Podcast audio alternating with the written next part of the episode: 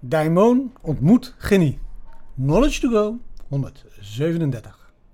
Zoals je weet, tenminste als je mij hebt gevolgd, ben ik een beetje geobsedeerd door Aristoteles' idee dat het hele punt van het leven, het ultieme doel, de summum bonum, het hoogste goed, is om een goede ziel te hebben. Een eudaimon te zijn. We hebben een leidende geest. De beste versie van ons verluistert in ons oor en leidt ons naar onze bestemming. We moeten gewoon beter worden in het verbinden met onze innerlijke daimon en voilà, we ervaren eudaimonia. Maar op de een of andere manier ben ik onderweg vergeten dat de Romeinen hun eigen Latijnse woord hadden voor het Griekse woord daimon.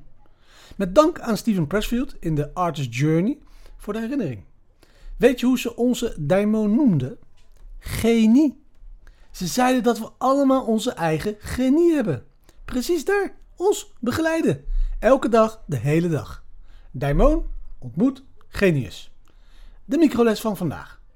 Als je je zo geïnspireerd voelt, neem dan even de tijd om de verbinding aan te gaan met je innerlijke genie. Geef hem of haar misschien een high five. Ik zeg dat we ons vandaag de hele dag laten leiden door onze genieën. Als je twijfelt, kijk dan gewoon naar je genius en kijk dan wat de volgende beste stap is. Je genie weet het. Altijd.